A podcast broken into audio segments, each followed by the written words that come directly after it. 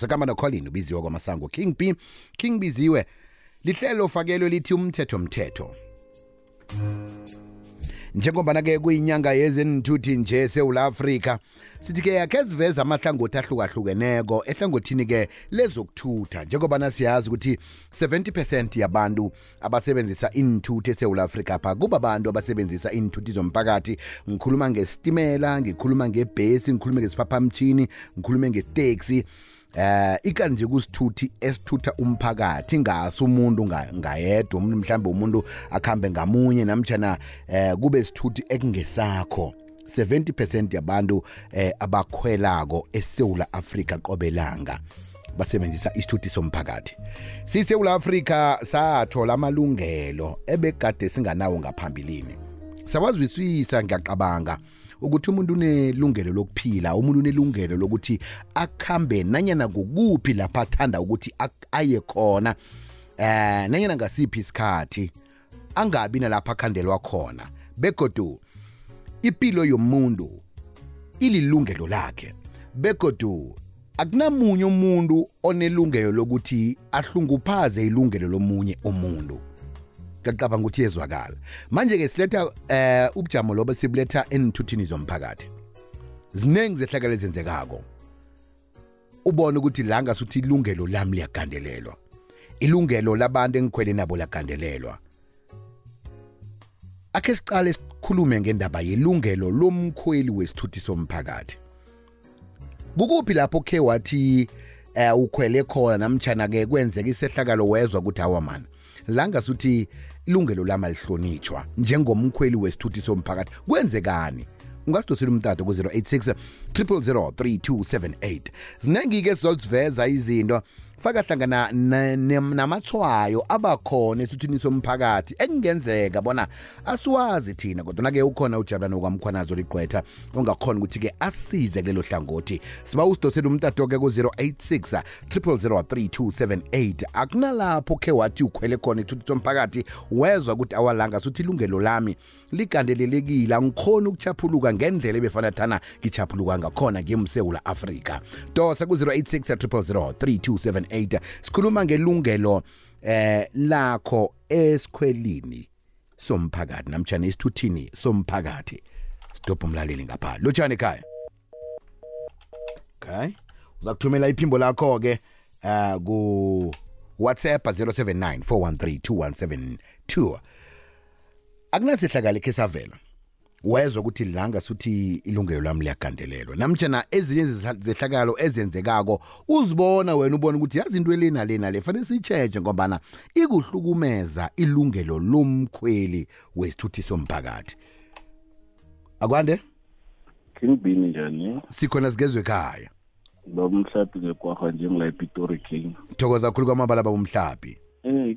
ngicabanga ukuthi lapho kwavalenta ilungelo lomkhweli or labakhweli naku kwesikhwele ibhesi yenye company etransporta from Pretoria to Lake ngayivisi ngegama mm. nani ke udriver enza umkhonyovu ke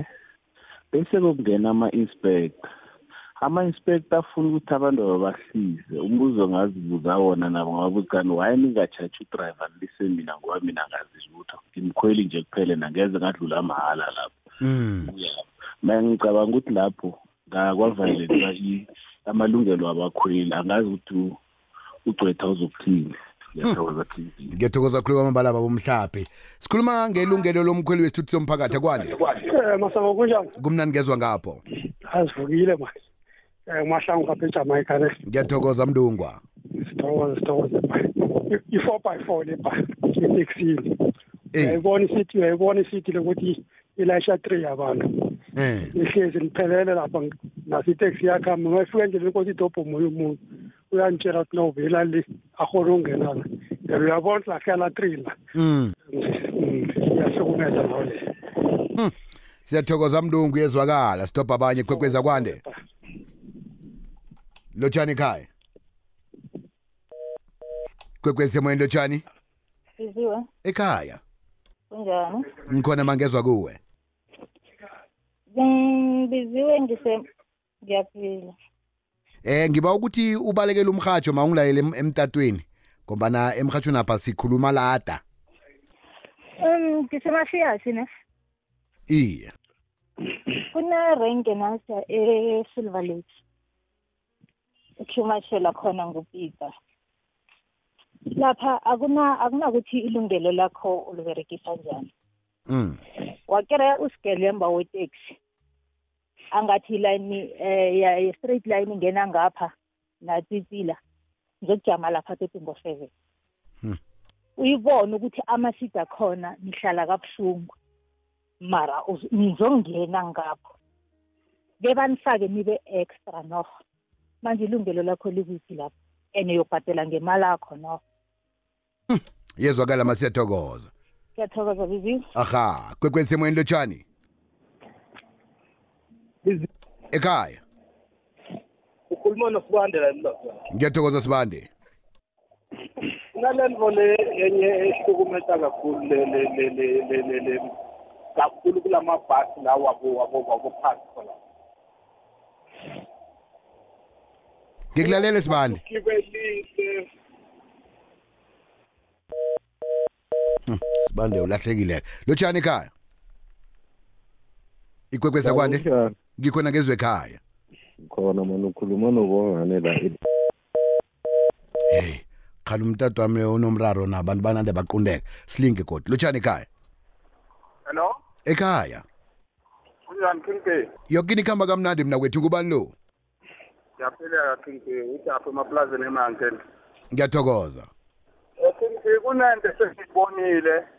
la eyenzakalayo njengokuthi mhlawumbe abantu bayahike and then bababambe labantu bamatexa ne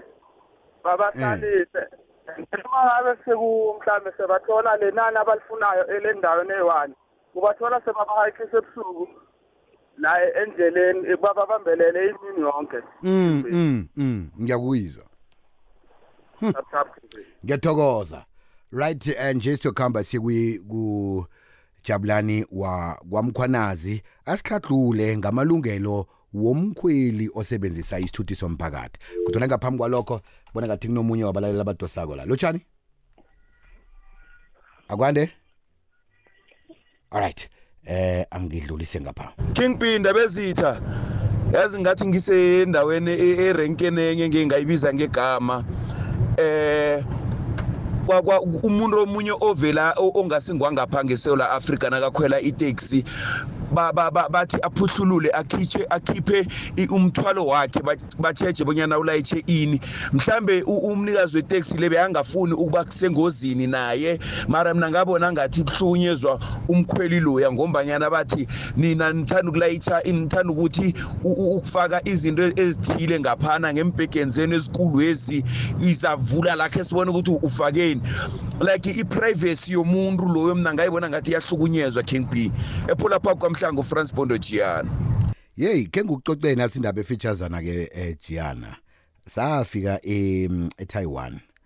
kwakateleleka ukuthi impeke zethu zikhutshwe kuvele namaprogram angaphasi ukuthi inini ngombana eh bebafuna ukuthola ukuthi kufakwe ini ngaphya manje ke ngingazi ukuthi mhlambe imithetho leyo namtjana njani ukuthi kuvikeleke inaga yekhethu le namtjana inaga yangikhabo leya namtjana ke eh ukuthi kuvikeleke abantu abakhwele isithuthini leso kodwa ke yinto eyenzeka konke nje nemiphaphamshini iyenzeka kodwa ke ngithi ngekhe ngathi mina eh ayisikuhlukumeza lokho kodwa ngiyayibona iyenzeka konke nje Uh, ah, nje imzuzu ilithumi nelithoba ngemva kwesimbi yesibili sidobha kwakuphela siyakuhamba sokuthengisa sibuya nobaba umkhwanazi lotshani akwande alright asithi akwande king b kunjani king b nangumanroza ngezakheni king b yazi eh abona la mabhasi asuka from la empumalanga aya egauteng yazi king b amabhesi lawo manazini asukumeza manje uthola ekuseni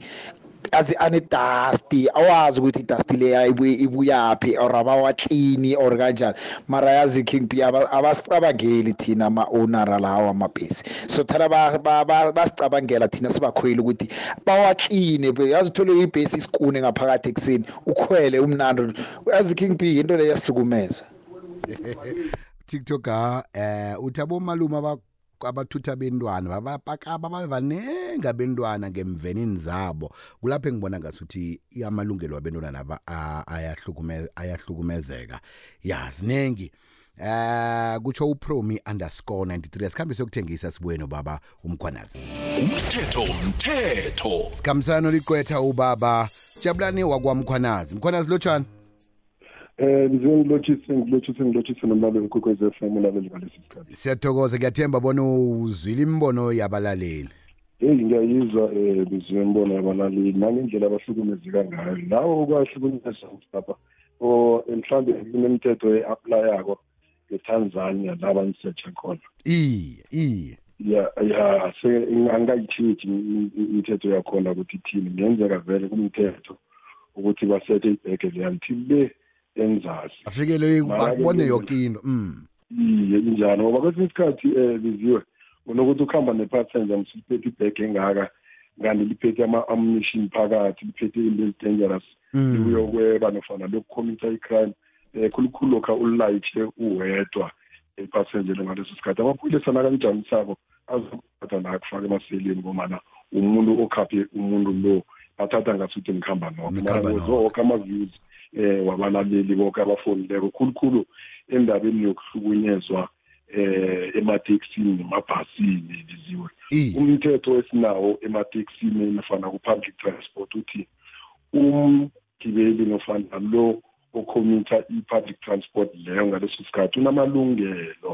eh la sikhuluma ngodriver oza kuthola imali emva kokubana lo eh ogibelako ayigibelile iteksi lekusho ukuthi kuba ne-exchange yemali eh, ne-service ngaso sonke isikhathi eh, kumele bona bobabili eh kube ukuthi banamalungelo khulukhulu lo ozala le ivalue yemali onikela udriver lo that's why sithi ngaso sonke isikhathi eh lo ogibela iteksi nofana ibhasi akube nguye kokuthoma ozicabangelako eh aconsidere le ndaba yokubana unamalungelo unamalungelo biziwe na umuntu ogibela isithuthi somphakathi sokuba safe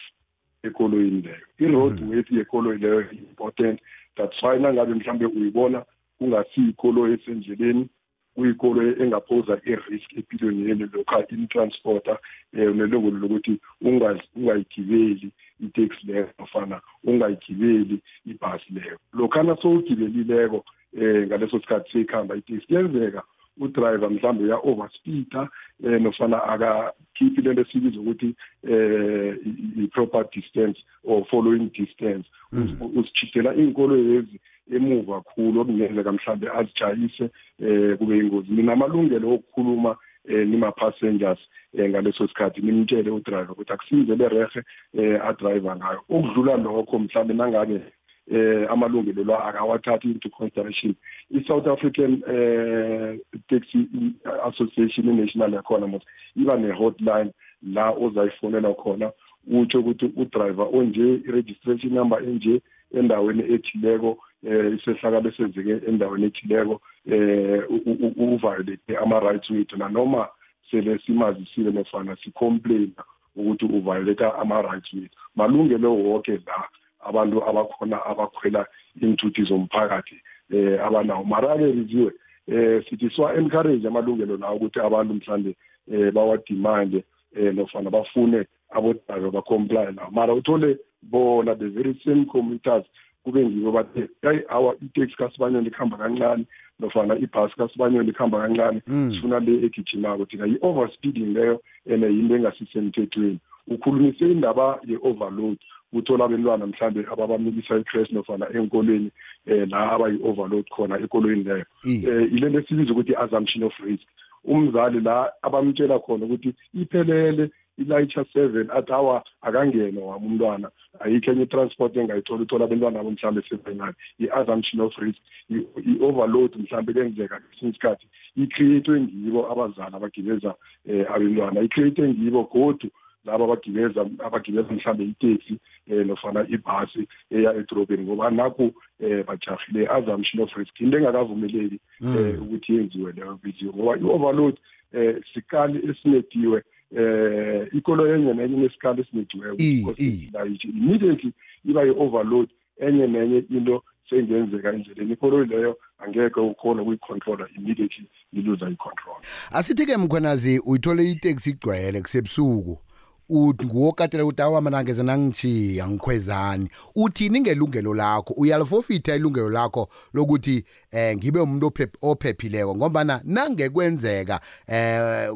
iteksi leyo namtshana ibhesi leyo ibandakanyeka engozini bazokuthi bebabangaka abantu bebakhwele lapho besiyavela-ke indaba ukuthi eh low eh bese siphelele wathi asikwazi kumjiya warabhela samkhweza na ukatelele e, endabeni enjalo ufofitha ilungelo lakho namtshana wenzani